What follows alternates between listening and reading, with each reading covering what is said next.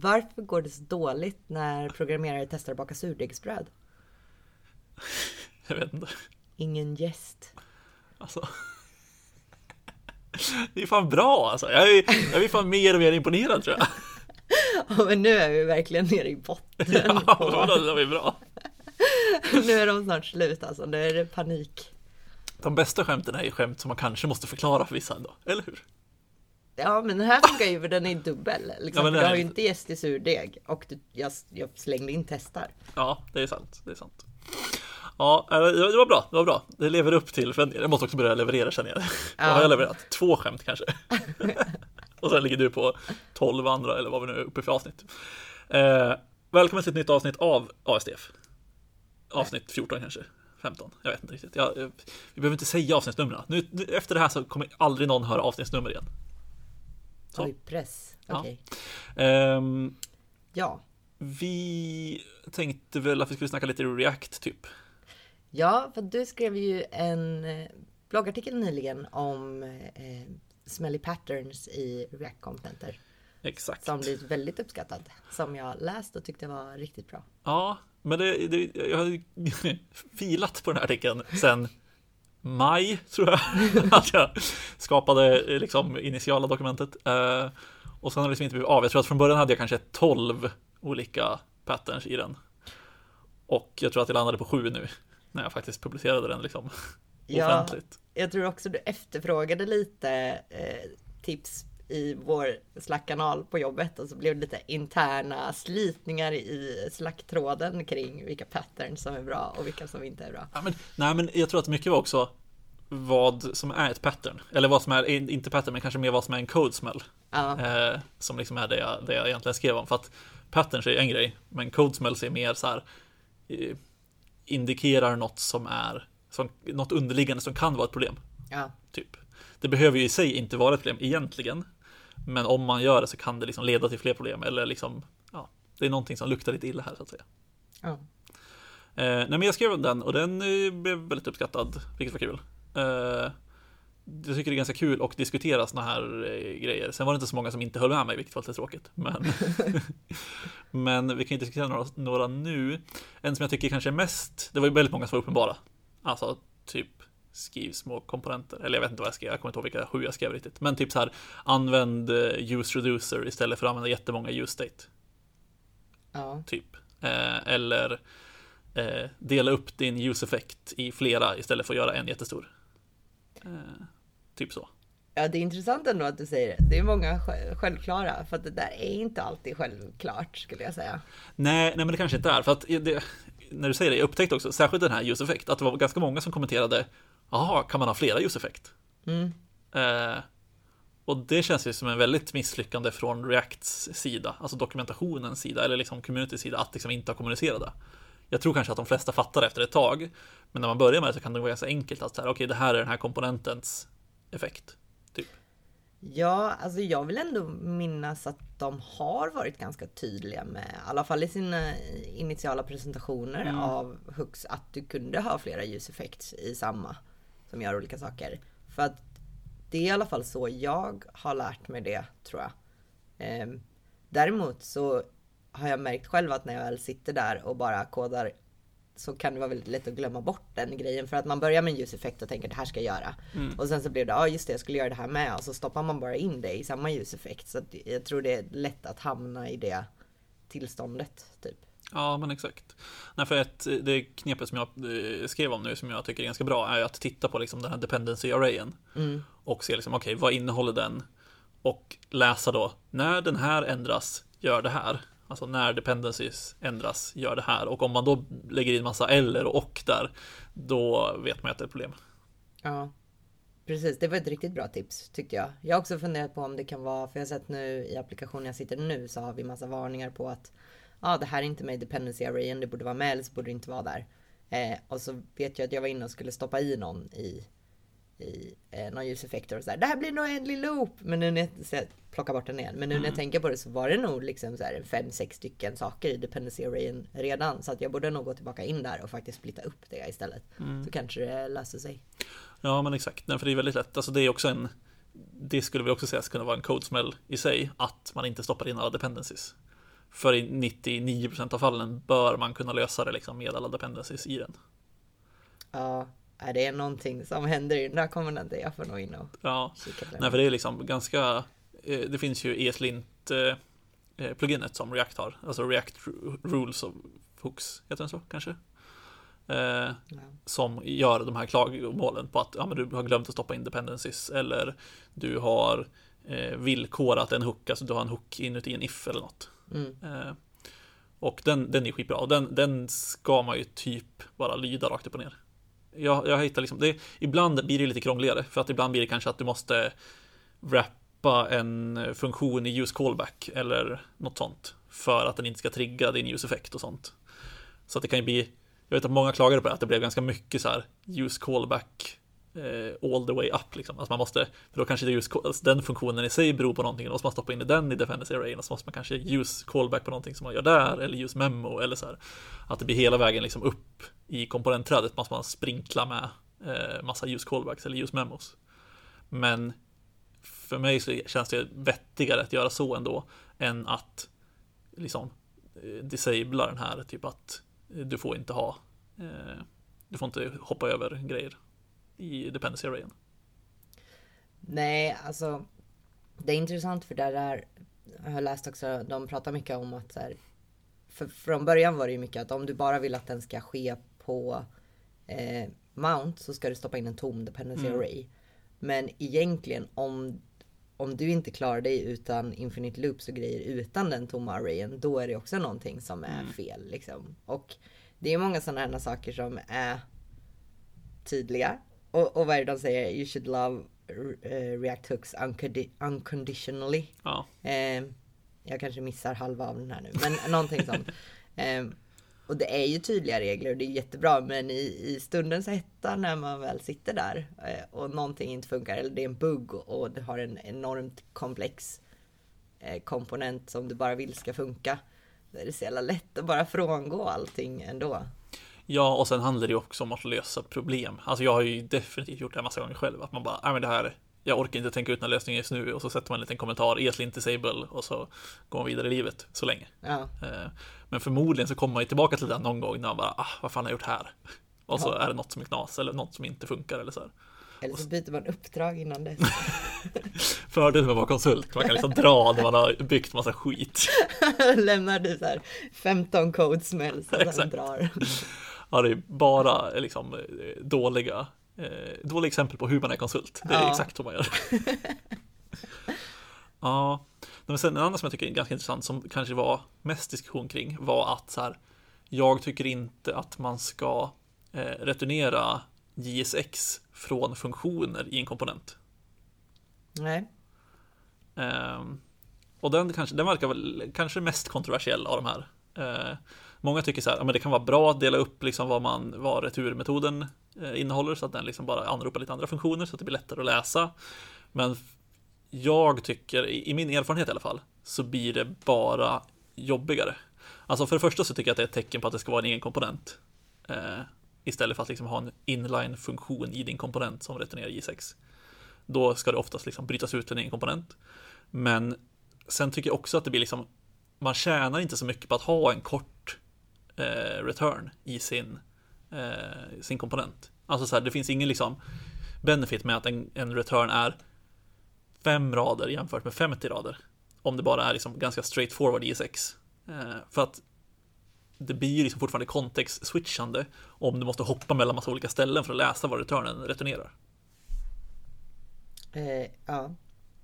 Eh, det är intressant för att jag läste det här och så funderade lite på det för att jag tror att så här, organiskt har jag nog slutat att lägga returnera J6 i små funktioner i komponenten. Och det är ingenting jag egentligen har tänkt på. För i början, alltså way back. Nej men när jag började med React då blev det ofta så att jag delade upp och liksom returnerade J6 i funktioner. Och jag tror att det var för att så här då var det inte så mycket komponenttänk kanske som det var en funktion ska göra en sak eller så här. Jag vet Exakt. inte vad det var som gjorde det. Men det har blivit mycket mer för mig som du säger, alltså att man pratar om, ja vad heter det, det finns ju någonting när man har, när man sprider ut saker på för mycket ställen så blir det, Ja, exakt. eh, ja det finns ett ord och jag kommer Ja, inte ihåg nej, det. inte jag heller. Eh, Eh, men så att det blir, du, som du säger, det blir context switch. Du måste hoppa med, mellan väldigt många olika delar för att få ihop helheten. Och det gör det mycket svårare att liksom få en överblick. Och jag brukade vara så här att jag tyckte det var jobbigt att ha mycket conditionals i JSXen direkt. För att jag tyckte det blev mycket svårare att läsa. Mm. Eh, speciellt när det är väldigt stora bitar. Men det är mer straightforward tycker jag nog nu. Liksom. Ja, men exakt. Nej, men jag, jag, tycker jag är helt på samma sida. Jag har också varit liksom där man skrev massa funktioner som, som eh, returnerade i6. Och jag har suttit liksom i projekt där vi har väldigt mycket sådana grejer. Men ju mer jag liksom, jag tror att det kom ganska naturligt för mig. Eh, från början, exakt som för dig också. Men sen att man har tänkt mer aktivt på det. Att så här, när jag stött på det nu liksom. Eh, att så här, oj, det här känns inte bra. Och att det är därför jag liksom kanske skrev ner i den här listan jag tänkte på nu då, liksom. Mm. Men ja, nej, jag tycker det är svårt. Men det är lite som du säger, alltså så här också att när jag skrev det här nu och publicerade den, fick ganska mycket kommentarer som eh, liksom ger en perspektiv på att det är lätt att tänka, alltså det är så lätt att glömma på vad folk kan. Alltså så här, jag kanske tar för givet att ja, men folk känner till att det finns en use reducer. Mm. Eh, eller jag, känner, jag tar för givet att folk eh, vet att man kan skriva två use-effekt. Och det är så jävla lätt att hamna där och bara tänka att ja men vad fan, folk fattar ju det här. Men det var skitmånga som till exempel sa, aha, use reducer, aldrig hört talas om. Ja. Eh, den är ju skitnice. Eh, så här, då behöver man kanske inte köra Redux bara för att man vill ha en reducer. Nej. Eh, och liksom den, det perspektivet ger ju extremt mycket.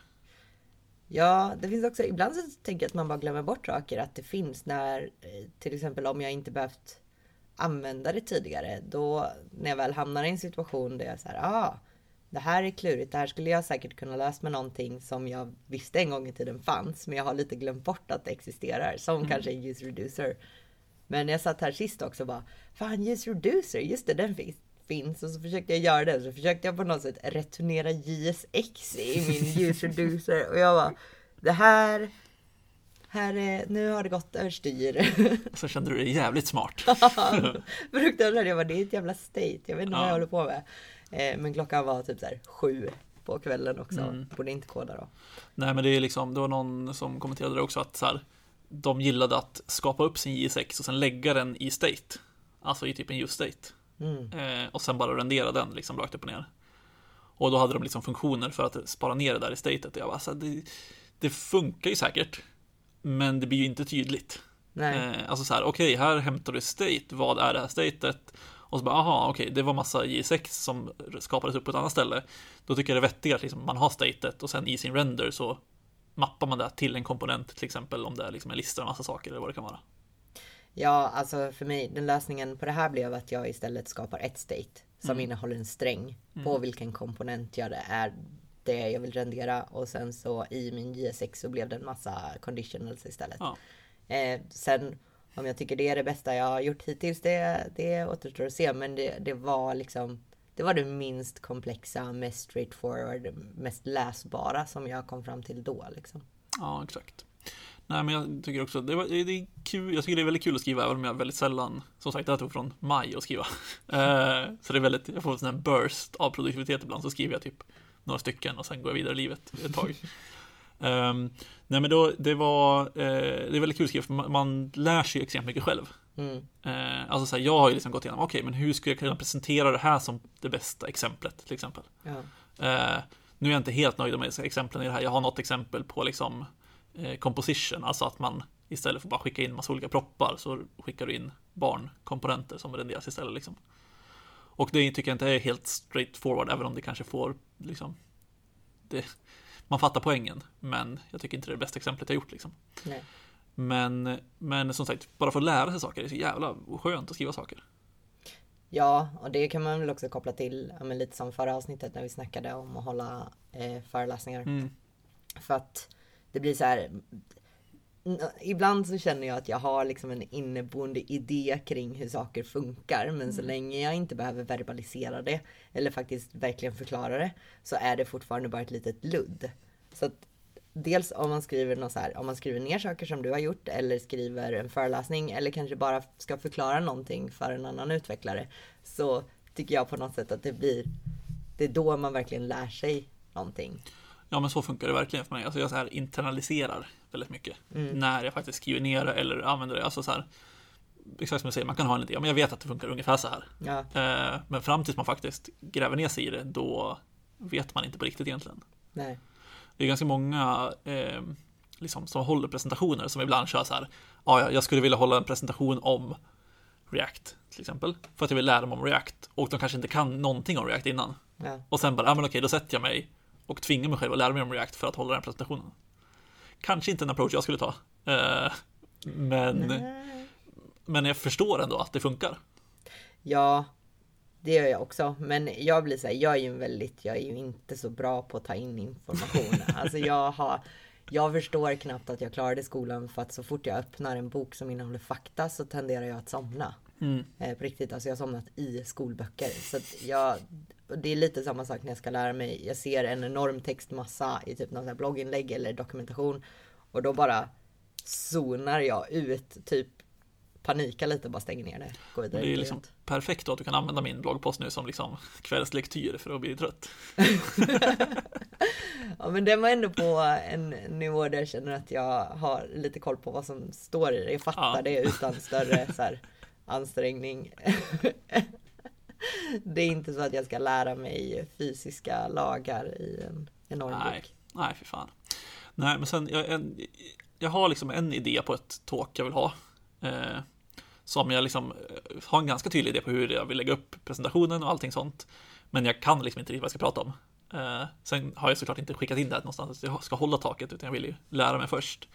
Men det är ju liksom om typ eh, renderers i React. Eh, eller, ja, vet du vad en renderer är? Typ. Eh, nej. Okej, men så här. React DOM-paketet är en renderer. Så att den renderar React till domen i browsern liksom. Och sen har vi, vad heter det andra? React Native. Det är liksom en renderer, så att du använder React fast du renderar native saker istället. Ehm, och jag tycker det konceptet är så jävla intressant. För att det gör typ att React är liksom plattforms eh, heter det. Ja. Ehm, I det att liksom, du skulle kunna skriva någon, en, en renderare för React och använda det vart som helst. Ja, för att core-paketet är det som är React liksom. Exakt, och jag tycker det är så jävla coolt. Eh, och liksom verkligen har sålt mig mer och mer på React. För även om jag tycker att andra eh, ramverk är också jävligt liksom, nice, typ Vue eller Svelte eller vad man nu ska säga. Så tycker jag React har liksom det finns liksom potentialen att det skulle kunna finnas överallt. Mm. Och ett exempel som jag, anledningen till att jag upptäckte det här var för att jag höll på med ett bibliotek som heter React 3 Fiber. Som används för att skriva då eh, 3JS som är eh, vad man säga, 3D på webben. Ja, det är väl, är det något WebGL-baserat? Ja, precis. Det är väl WebGL, det är JavaScript och WebGL typ. Ja. Eh, och är liksom standard för att göra det på eh, i JavaScript skulle jag säga. Mm. Eh, har funnits i typ så här 15 år. Och då är det då en snubbe som heter Paul som har skrivit en renderare till React som ligger ovanpå det här. Som då gör att du kan skriva liksom 3JS i React. Mm. Och det som händer är typ att ja, men du kan ta alla liksom, eh, man säga, det som finns, säg att det finns en eh, box till exempel, eller en box geometry finns det i 3JS. Och då kan man bara skriva liksom en JSX-tagg som heter box geometry. Och då förvandlar den här renderaren då det till 3JS, eh, liksom, så att den 3JS förstår det. Medan sen React tar hand om allt annat. Så att då liksom tar React hand om så här, men, eh, livscykeln för komponenter. Du kan liksom dela upp det i komponenter. Du kan använda alla hooks för att hantera state. Du kan använda liksom saker som att eh, använda liksom pointer events och liksom så här hover-effekter och sånt som inte finns i 3JS egentligen för att det är WebGL. Men i och med att React hanterar sånt så funkar det bara. Eh, och jag tror att liksom första implementationen som han gjorde var typ så här. Jag tror att den var 160 rader kod. Eh, för att få det att funka. Och det, jag tycker det är så jävla coolt att det bara går att göra sådana grejer och sen skriva React. Och då fattar, alltså så här, folk som kan React kommer fatta det här också typ. Så länge man liksom vet vad eh, sakerna heter i 3JS. Ja. Men det är en intressant grej, för jag menar, jag tänker ändå, det måste finnas regler. Och speciellt om man vill ha en väldigt performant eh, rendering liksom. För att det krävs ju ganska mycket att rendera 3D. Ja, precis. Alltså så här, jag tänker att 3JS tar ju hand om sin rendering och sen om jag nu har fattat det här rätt, nu har jag som sagt inte grävt ner mig jättemycket, men då eh, alltså tre, eller React-biten lägger liksom inte på någon performance overhead, för det enda den gör är liksom att reagera på events. Eh, så att eventloopen och allting sånt och renderingsloopen, det sköter ju fortfarande Tree. Mhm. Eh, så att det enda den gör är att sköta typ lifecykeln och lägga på saker som state och sånt som man kan liksom använda för att rendera de här sakerna. Eh, och det gör det, så, alltså det gör det så möjligt att göra så mycket coola grejer. Alltså jag har kollat lite grann på vilka det finns som andra renderare. Och det finns till exempel något som heter React Inc, tror jag, som används för att skriva React eh, som renderas i terminalen. Eh, det finns något som heter React Hardware, som är typ någon Arduino-grej, så du kan skriva liksom React som kör på Arduino. Eh, alltså det är liksom hur mycket saker som helst och det är så jävla coolt. Eh, så tekniskt sett skulle man liksom kunna köra typ React ovanpå vad som helst. Ja. Jag, känner en nernördning eh, komma farande här. Alltså. Ja, gud ja, det skulle. Jag, jag tänker att jag ska hålla en presentation om det här någon gång. Ehm, för jag tycker det är väldigt kul. Jag har liksom lekt lite grann med Tree, eller det här React Tree Fiber då och byggt lite små saker i. Och det är så jävla eh, roligt, för jag har liksom försökt lära mig 3JS förut. Mm. Men tyckt att så här, ja, men det går liksom inte. Det är för mycket att hålla koll på. Liksom att så här, ja, men man ska unmounta och man ska hålla koll på när komponenterna lever. Man ska attacha saker till varann. Och liksom det här bara händer av sig själv. Ja. Eh, och sen har det i det här biblioteket nu för tiden har det lite så här utility-grejer som att den sköter typ eh, boilerplate kring eh, responsivitet och sådana saker också. Eh, vilket också gör det mycket, mycket enklare att använda liksom. Ja, för att alltså vanligtvis när man pratar om 3D och sånt, det är ju som du säger, det är jäkla massa att hålla koll på. Var är ditt objekt? Vart är kameran? Vart är fysiken i det här? Vart hur Ja. vänder sig saker? Alltså det är, ja, jag tycker bara det är en enda stor ja, klump av förvirring. Ja, nej men exakt. Och just det här lilla då communityt som har byggt upp som det här har byggt massa grejer runt omkring det. Typ det finns ett fysikbibliotek som heter Canon. Eh, och då har de liksom gjort en hook som heter Use Canon. Som man bara kan hooka in på det här eh, med React 3 Fiber då. Och så får du fysik helt plötsligt. Ja, det är häftigt. Eh, och så finns det lite andra grejer. De har liksom, nu såg jag någon som hade byggt en flex-komponent. Eh, så att du kan liksom använda flex i dina 3JS-grejer, alltså typ WebGL. Som också anpassar sig efter liksom hur responsiv, alltså om, de anpa- alltså om fönstret förminskas och sådana grejer. Och det är också sjukt tufft. Ja, jag blir alltid så fascinerad över människor som har sånt otroligt driv i de Mm. här grejerna. Jag är ju verkligen inte en sån. Alltså jag är mera så här.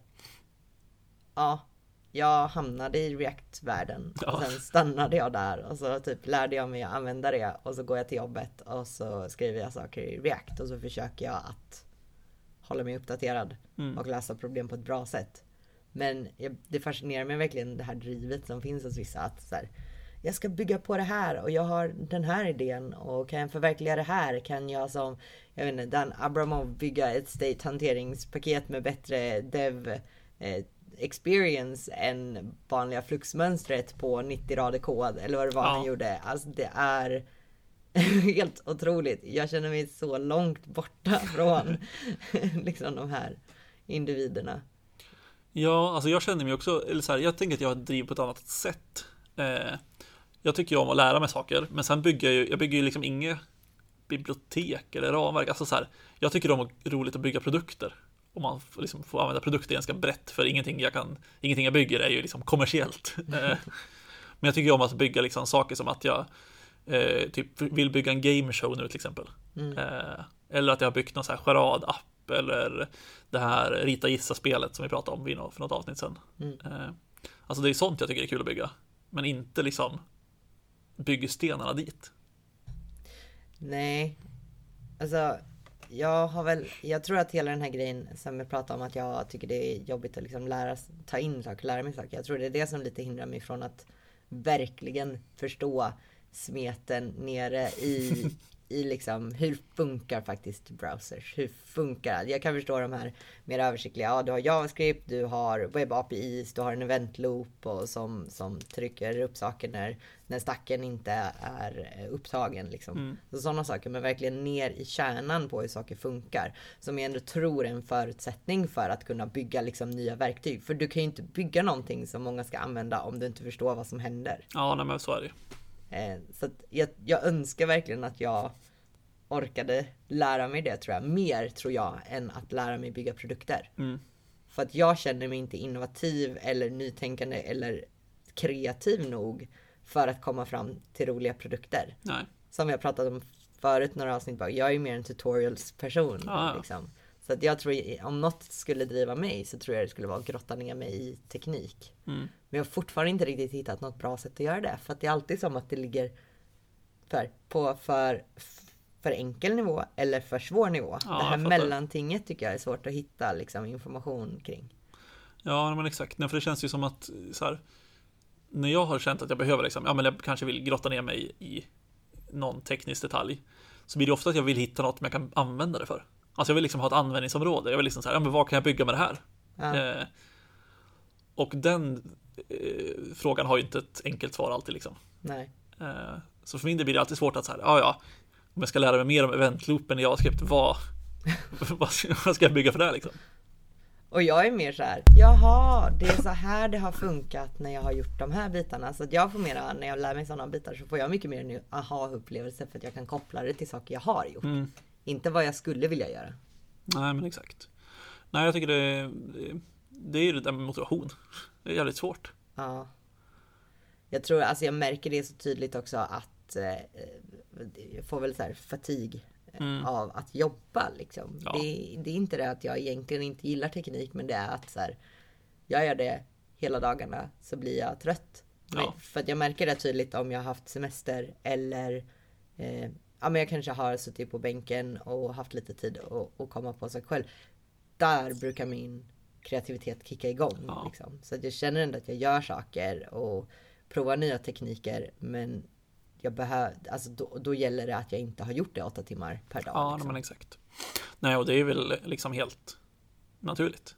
Eh, alltså jag tror att de flesta är väl så. Att sitter man och knackar kod åtta timmar per dag, man går inte hem och knackar kod igen.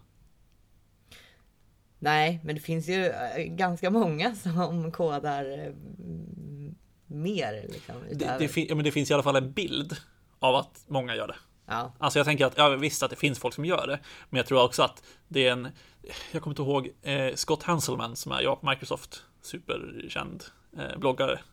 Han har ju myntat ett uttryck, typ så här, eh, Black Hole Developers, eller Black Mass Dark, ja, något, eh, något liknande uttryck som handlar liksom om den här dolda gruppen med utvecklare som inte bloggar, som inte twittrar, som inte knackar kod på kvällarna. Och den är ju garanterat övervägande majoritet. mm, Alltså liksom jätte, jättestor del majoritet skulle jag våga liksom säga säkert. ja, Och det är så lätt att man fokuserar på folk som jag som sitter och skriver bloggposter, nog för att det tog sen ett halvår, men men, men liksom det är lätt att fokusera på de som syns väldigt mycket och tänka att det är normen. ja. Eh, när det i själva verket inte alls är det. Nej, men det blir ju, det blir som, vad, vad, igen på den här sociala medieeffekten, Mm. det vi ser. Ja, är det som vi tror är verklighet. Det är ju lite som de här Venn-diagrammen igen. Liksom. Ja, vad, vad jag kan, vad jag tror att alla andra kan. exakt. Vad jag, vad jag, hur jag lever mitt programmerarliv och vad jag ser Mm. andra programmerare göra. Ja, nej, men exakt. Nej, jag, jag tycker det är, fan viktigt att poängtera det på något sätt. Eh, att liksom så här, fan man, bara för att ja, bara för att vi poddar så behöver inte folk podda. Nej, gud nej. Eh, bara för att någon bloggar ska man inte behöva blogga liksom. Tycker man att det är kul? Jag bloggar ju mycket för att eh, min egen skull. Alltså jag vill skriva för att lära mig liksom. Sen är det såklart alltid den här dopaminboosten när man får någon like. Eh, men, men jag gör det ju mest för min egen skull. Och det är också därför jag pratade vi om det här i något tidigare avsnitt, att jag kallar liksom det här digital garden. Kan ha nämnt det. Det är i alla fall liksom konceptet med att man ska sköta om sin hemsida och liksom så uppdatera saker mer än att bara producera nytt hela tiden. Alltså det ska liksom inte vara en kronologisk lista över saker utan det ska mer vara så här. Ja, ja, det här är lite saker jag håller koll på. Så typ den här, alltså Codesmelts-grejen till exempel, den kommer jag förmodligen lägga på saker på om jag hittar några mer saker. Lite agilt så. Det var lite agilt. Ja. Ehm, och eh, det- jag tycker jag gillade verkligen det konceptet för det sänker så mycket tröskeln för att liksom skriva saker. Så att den här bloggposten har ju varit publicerad på min sajt. Inte sen i maj, men sen i juni kanske, eller något. Bara i liksom kortare version som jag har uppdaterat lite då och då. Mm. Tills jag nu faktiskt typ länkade den på lite olika ställen liksom. Ja, alltså jag är, jag är inte så mycket för att, att skriva sådana saker. Och gör jag det så blir det alltid med den här lite mjukare twisten på Mm. det kanske. Men, men alltså jag är ju jag är ju, nu sitter jag här och poddar, men Ja. överlag så är väl jag en av dem som är i den här black mass eller vad vi pratar om. Ja. För att jag, jag gör inte så mycket utöver jobbet. Och det har, det har mer med att här, jag är trött, Mm. tror jag. Eh, och det har tagit mig, jag har fortfarande inte riktigt accepterat det, men jag har lagt väldigt mycket tid på att acceptera att jag inte orkar koda på helgen och lära mig nya saker på helgen. För de första, eh, första åren i min karriär var väldigt mycket så. Jag försökte gå till jobbet och sen så, så, så att jag försökte lära mig saker på helgen. Alltså så webpack-konfigurationer eller bara, ah, så den här gången. Ah, the good old days. Ja, alltså när jag satt och så lärde jag mig webpack och sen dagen efter jag hade fått upp det, de bara ny version. Jag bara, åh. ja, det var mycket ångest. Eh, så att jag har lagt rätt mycket tid på att verkligen förlika mig med att jag behöver inte göra allt det här för att vara bra på mitt jobb. Liksom. Ja, nej, men exakt. Nej, men det tycker jag är en, en väldigt bra eh, positiv note att avsluta det här på. Ja, Eh, tänker jag mig. Vi finns som vanligt på Twitter. Vill man oss något så är det bara att höra av sig där. Ge oss gärna en recension i iTunes. Eh, det är alltid härligt. För då får vi en liten dopaminboost båda två tror jag. i alla fall du. I alla fall jag. ja, du är lite motvillig poddare. Ja, ja, men jag börjar förlika mig med det. Ja, men det är bra. Eh, vi ses om två veckor igen. Ja. Säg så. Hej. Bye, bye.